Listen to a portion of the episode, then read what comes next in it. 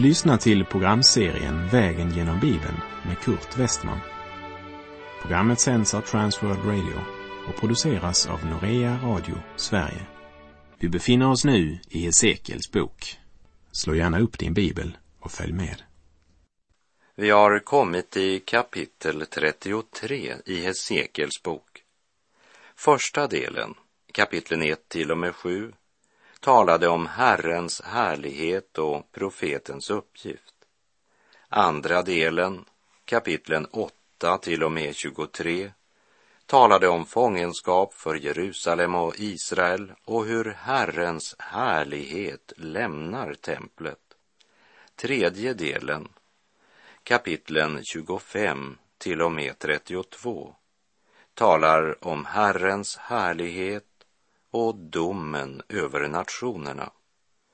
Därmed så har vi kommit till den sista fjärdedelen av denna profetbok som talar om Herrens härlighet och riket som skall komma. Kapitel 32 avslutade profetiorna om domen över de nationer som fanns i Israels omgivning. Vi kan säga att kapitlen 1 till 24 förkunnade Guds dom över Guds folk, det vill säga domen börjar i Guds hus. Kapitlen 25 till och med 32 förkunnade domen över hedna folken. Profetior som ropades ut före Jerusalems förstöring. När vi nu kommer till den sista delen av Hesekiels bok, som innehåller Hesekiels profetior efter Jerusalems fall, så uppenbarar Gud att han inte gläder sig över den ogudaktiges död, men önskar att den ogudaktige ska omvända sig så han får leva.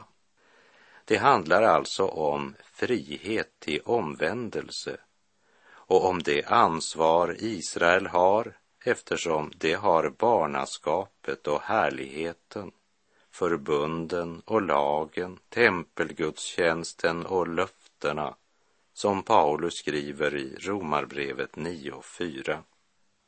Kapitel 33 inleds med att Herren förnyar Hesekiels kallelse och påminner honom om vad som är hans ansvar men också vad som inte är hans ansvar. Folket hade förkastat den räddning Gud erbjudit genom Hesekiels förkunnelse. Och nu hade spådomarna gått i uppfyllelse. Så nu var det för sent. Jerusalem var redan ödelagt. Templet var nu bara en ruinhög och templets skatt skatter och alla heliga kärl var bortförda. Varför hade folket inte lyssnat? Kanske Hesekiel började bli missmodig och tänkte att det var hans fel. Att hans folk inte lyssnat till någon av alla dessa varningar.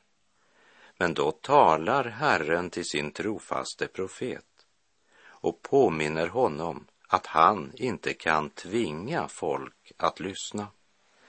Hans kall är att förmedla allt vad Herren har uppenbarat för honom. När han har gjort det, då har han utfört sin uppgift. Men den är ännu inte färdig. Nu ska han förkunna Guds ord för alla sina landsmän som lever i fångenskap i Babel på grund av sina synder. Och här måste jag säga, nåd utöver nåd. Att Gud inte slutade tala till det här hårdnackade folket, utan erbjuder dem att omvända sig till Herren Gud. Vi läser Hesekiel 33, verserna 1 till och med 3. Herrens ord kom till mig, han sade, du människobarn, tala till dina landsmän och säg till dem, när jag låter svärdet drabba ett land och folket i det landet utser en man bland sig och gör honom till sin väktare och han ser svärdet komma över landet och blåser i hornet och varnar folket. Men den som får höra ljudet ändå inte låter varna sig, utan svärdet kommer och tar bort honom, då kommer hans blod över hans eget huvud. Vid den här tiden så hade man murar runt sina städer och man satte ut väktare på muren som kunde slå larm om fiender närmade sig. Herren tar utgångspunkt i denna verklighet som var så väl känd både för Hesekiel och för hela folket. Stadens ledande hade utvalt några till väktare på muren. Några timmar efter midnatt blåser han i hornet men de flesta är så trötta att de orkar inte stiga upp utan tröstar sig med att det nog inte är så allvarligt. Jag får höra imorgon varför han väsnas så där mitt i natten. Bekvämligheten och likgiltigheten kostade honom livet. Han hade hört, men brydde sig inte om att handla därefter. Väktaren hade blåst i hornet, så han är utan ursäkt. Gud talar om den enskilda människans personliga ansvar. Det är allvarligt att tänka på, för vårt land är fullt av folk som i kötslig bekvämlighet förtränger Guds kallelse när man i sin orättfärdighet undertrycker sanningen. Det är det Paulus talar om när han i Romarbrevet 1, vers 18 till och med 20 skriver. Guds vrede uppenbaras från himlen över all ogudaktighet och orättfärdighet hos människor som i orättfärdighet undertrycker sanningen. Det man kan veta om Gud är uppenbart bland dem. Gud har ju uppenbarat det för dem Ända från världens skapelse ses och uppfattas hans osynliga egenskaper, hans eviga makt och gudomliga natur genom det verk som han har skapat. Därför är det utan ursäkt. Därför är det utan ursäkt, förkunnar det nya testamentet. Och det uttrycks så här i Hesekiel 33.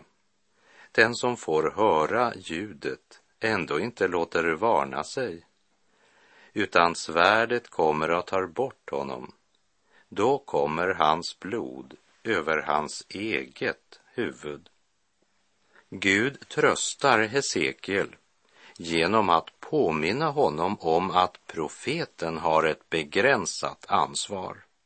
Profeten ska blåsa i hornet, men det är den enskilda människans eget ansvar att lyssna. Därför är de utan ursäkt. Hesekiel 33.5. Han hörde ju ljudet, men lät inte varna sig. Därför kommer hans blod över honom själv. Om han hade låtit varna sig så hade han räddat sitt liv. Men han ville inte låta varna sig. Därför är han utan ursäkt.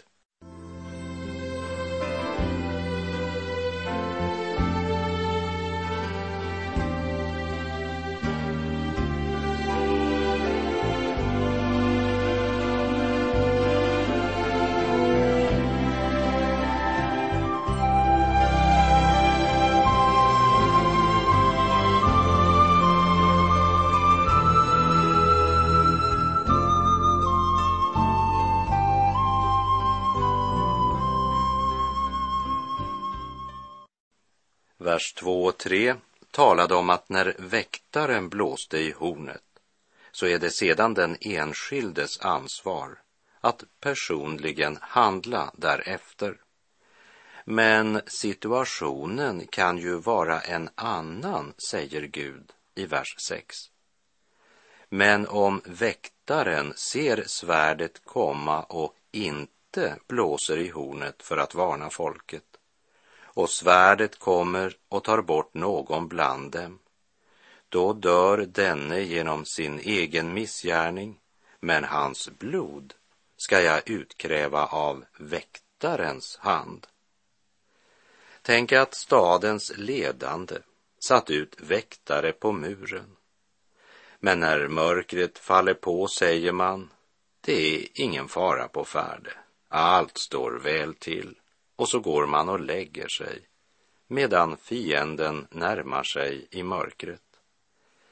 Men det intressanta är att de falska profeterna sa just det. Allt står väl till, allt står väl till, medan fienden kom allt närmare. Men de var upptagna av helt andra saker, så de såg inte fienden. De var så upptagna av att själva vara omtyckta. Folket, de kommer att dömas för sina synder.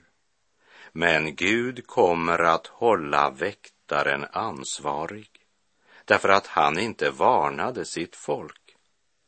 Allt står väl till var de falska profeternas populära budskap medan den fruktansvärda fienden närmade sig med hast. Hesekiel hade trofast förkunnat Guds varningsrop som sa att Babylons armé var på väg för att inta och ödelägga Jerusalem. Men det budskapet var ju inte alls roligt. Så det bestämde man sig för att så dystert kan det ju inte vara. Så det tror vi inte på. Gud påminner nu Hesekiel än en gång vad som är hans uppgift. Vers 7 och 8. Du människobarn, jag har satt dig till väktare för Israels hus för att du på mitt uppdrag skall varna dem när du hör ett ord från min mun. När jag säger till den ogudaktige, du ogudaktige, du måste dö, och du då inte varnar honom för den väg han går, så skall den ogudaktige dö genom sin missgärning, men hans blod ska jag utkräva av din hand. Om Hesekiel inte varnar den ogudaktige så kommer den ogudaktige att dö på grund av sina synder. Men hans blod, det kommer att krävas ur profetens hand. Vi kan säga att om profeten tiger så vilar det en blodskuld över hans liv.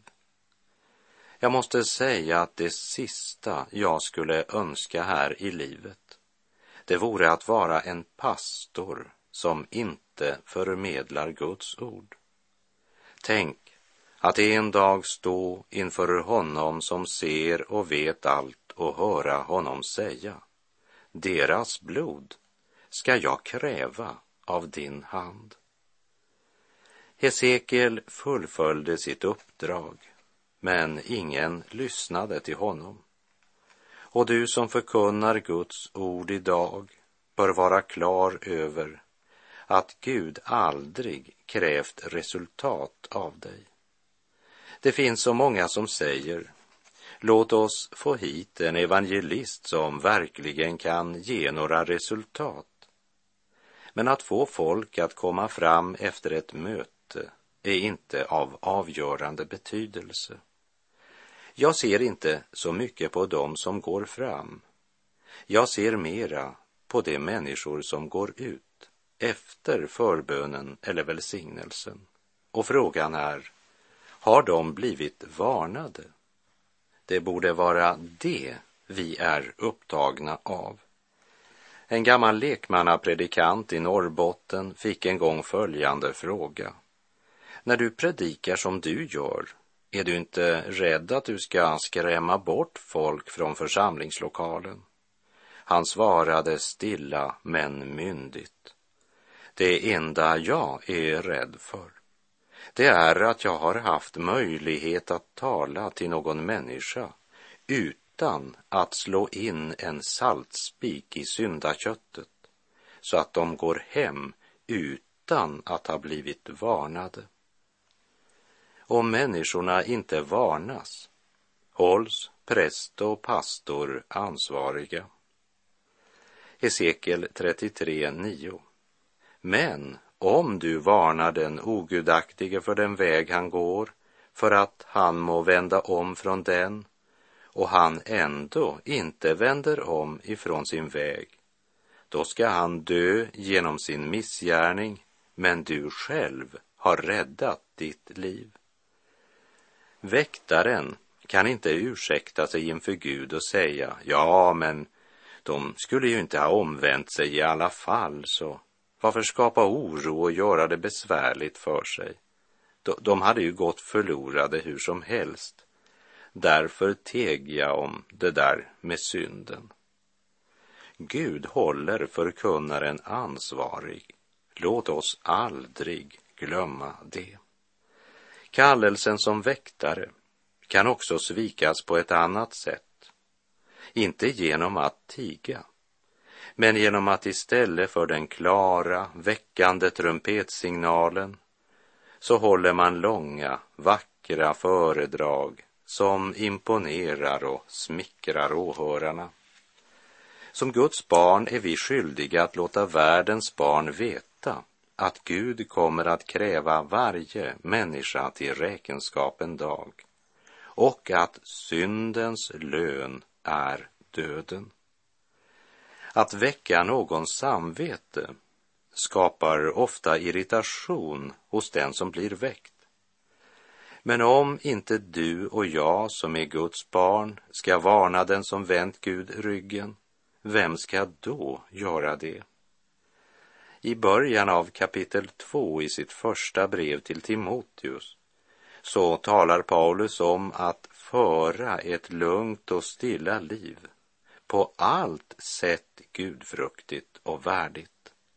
Sådant är rätt och behagar Gud, vår frälsare, som vill att alla människor ska bli frälsta och komma till insikt om sanningen.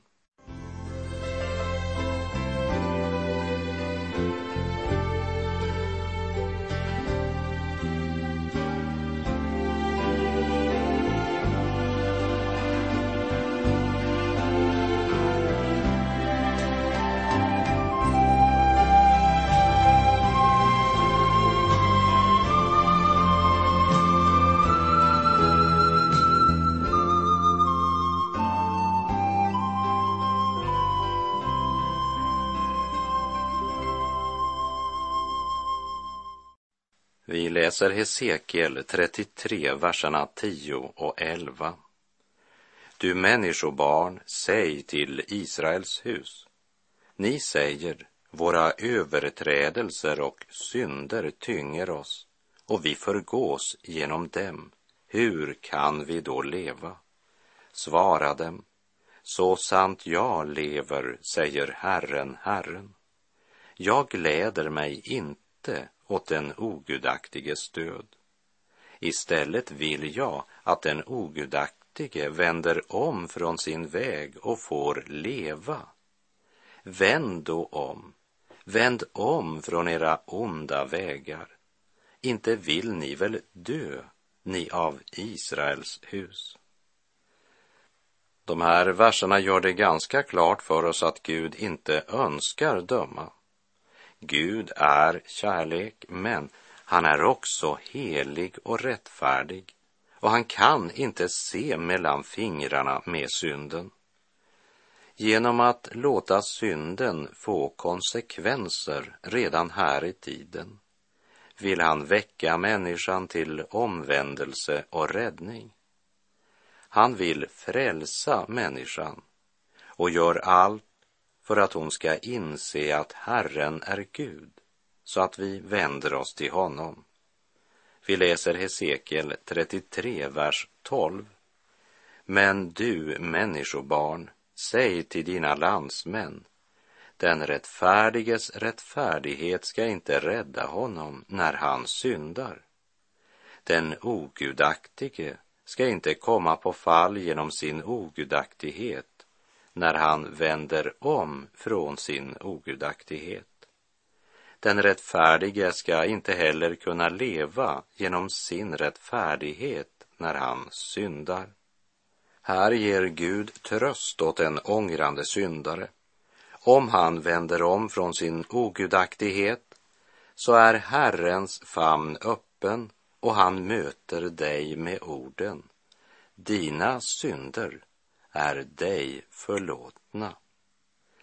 Samtidigt ska inte det här bli något som gör oss likgiltiga för hur vi lever. Gud ger oss inte förlåtelse för att vi sedan ska fortsätta att synda. Det är inte syndernas tillåtelse vi fått. Den rättfärdige ska inte heller kunna leva genom sin rättfärdighet när han syndar. Det vill säga bekännelsen måste vara något mera än en teori. Det hjälper inte att ha en rätt lära och trösta sig med Guds nåd om man lever i synd. Jag möter ibland människor som är så renläriga och så kunskapsrika att Gud själv aldrig får utgjuta sin smörjelse över deras liv. Men sådana människor har en tendens att förkunna Kristi försoningsverk på ett sådant sätt att det faktiskt blockerar nådens fortsatta verk i människan. Och de inbillar sig visst att deras nederlag är ett tecken på ödmjukhet, medan sanningen är att de lever i konstant nederlag och är syndens slavar. Det är viktigt att Herren genom sitt ord och sin helige ande för våra hjärtan får uppenbara skillnaden mellan frestelse och slaveri. Om du inte tar din synd allvarligt så ska du i alla fall veta att Gud tar det allvarligt. Hesekiel varnar Israels folk och säger att de ska inte tro att det hjälper att kallas för Guds folk. För det namnet ger inte några rättigheter om man tar det lättvint med Guds vilja. Det har förundrat mig hur ofta jag blir bemött med orden Ja, men det står ju i Gamla testamentet. När jag citerar något ord där Gud talar om att han ska döma synden. Men det underliga är att när jag läser om Guds löften och läser om Guds välsignelser så är det aldrig någon som säger ja, men det där står ju i Gamla testamentet. Kära lyssnare, du hör väl inte till dem som inbillar sig att Gud har förändrat sig? Hesekiel 33, 17. Men när dina landsmän säger Herrens väg är inte rätt, då är det tvärtom deras egen väg som inte är rätt. När synden får råda i våra liv förmörkas vår tankegång. I medgångstider är vi likgiltiga med Guds vilja och hans ord. I motgångstider anklagar vi honom för att han är orättfärdig. Vi är ju inte värre än andra och vi undrar hur Gud kan låta det eller det ske. Men det är inte Gud som är orättfärdig. Den fallna människonaturen är helt otrolig. Först tjänar hon synden och gör vad den onde vill. Sedan undrar hon över hur det kan vara så mycket ont i vår värld. Det måste väl vara Guds fel om han nu finns. Det är alldeles tvärtom, säger Gud. Det är din väg som inte är rätt. Vi läser Hesekiel 33, 18. Om den rättfärdige vänder om från sin rättfärdighet och syndar måste han dö. Låt oss ha klart för oss att här handlar det inte om frälsningen, men om att synden får konsekvenser. Det är det Paulus talar om i Första Korinthierbrevet 11, verserna 31 och 32. Om vi gick till rätta med oss själva skulle vi inte bli dömda. Men när vi döms fostras vi av Herren för att vi inte ska bli fördömda tillsammans med världen. Men vad är det då Johannes skriver om när han säger att det finns synd som är till döds? Johannes första brev kapitel 5, vers 16 och 17. Om någon ser sin broder begå en synd som inte är till döds ska han be och Gud ska ge liv åt honom, åt den som inte begår synd till döds. Det finns synd som är till döds och jag säger inte att man ska be för den. All orättfärdighet är synd, men det finns synd som inte är till döds. Här talas om den fysiska döden. En del kristna döms för sina synder genom fysisk död. De hade levt längre om de inte levt i synd. Men det betyder inte att alla som får ett kort liv dör på grund av synd. Det är inte vår sak att döma andra. Men låt oss ransaka oss själva i Guds ords ljus. Och med det så är vår tid ute för den här gången. På återhörande om du vill. Sök Herren medan han låter sig finnas. Åkalla honom medan han är nära. Och säg till Herren, döm mitt hjärta här i tiden innan världen döms av dig. Och när tiden är förliden, i ditt domslut fria mig. Herren vare med dig, må hans välsignelse vila över dig. Gud är god.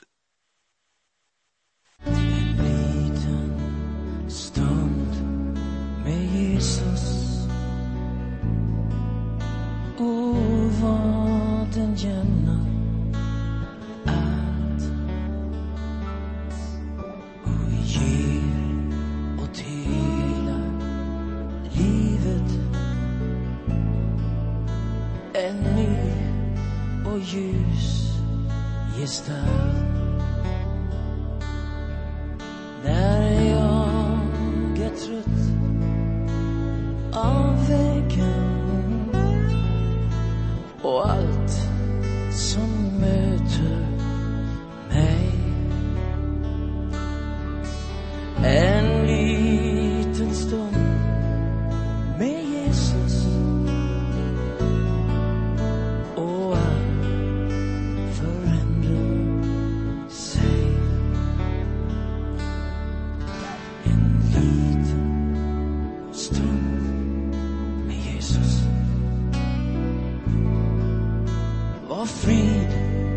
den har med sig.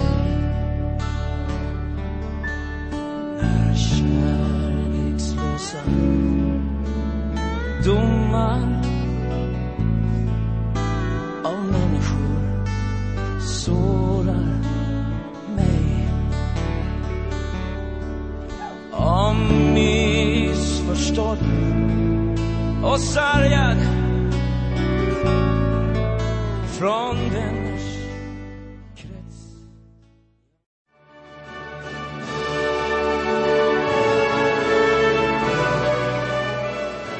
Du har lyssnat till programserien Vägen genom Bibeln med Kurt Westman som sänds av Transworld Radio. Programserien är producerad av Norea Radio Sverige. Om du önskar mer information om vårt radiomissionsarbete så skriv till Norea Radio Sverige, box 3419 103 68 Stockholm.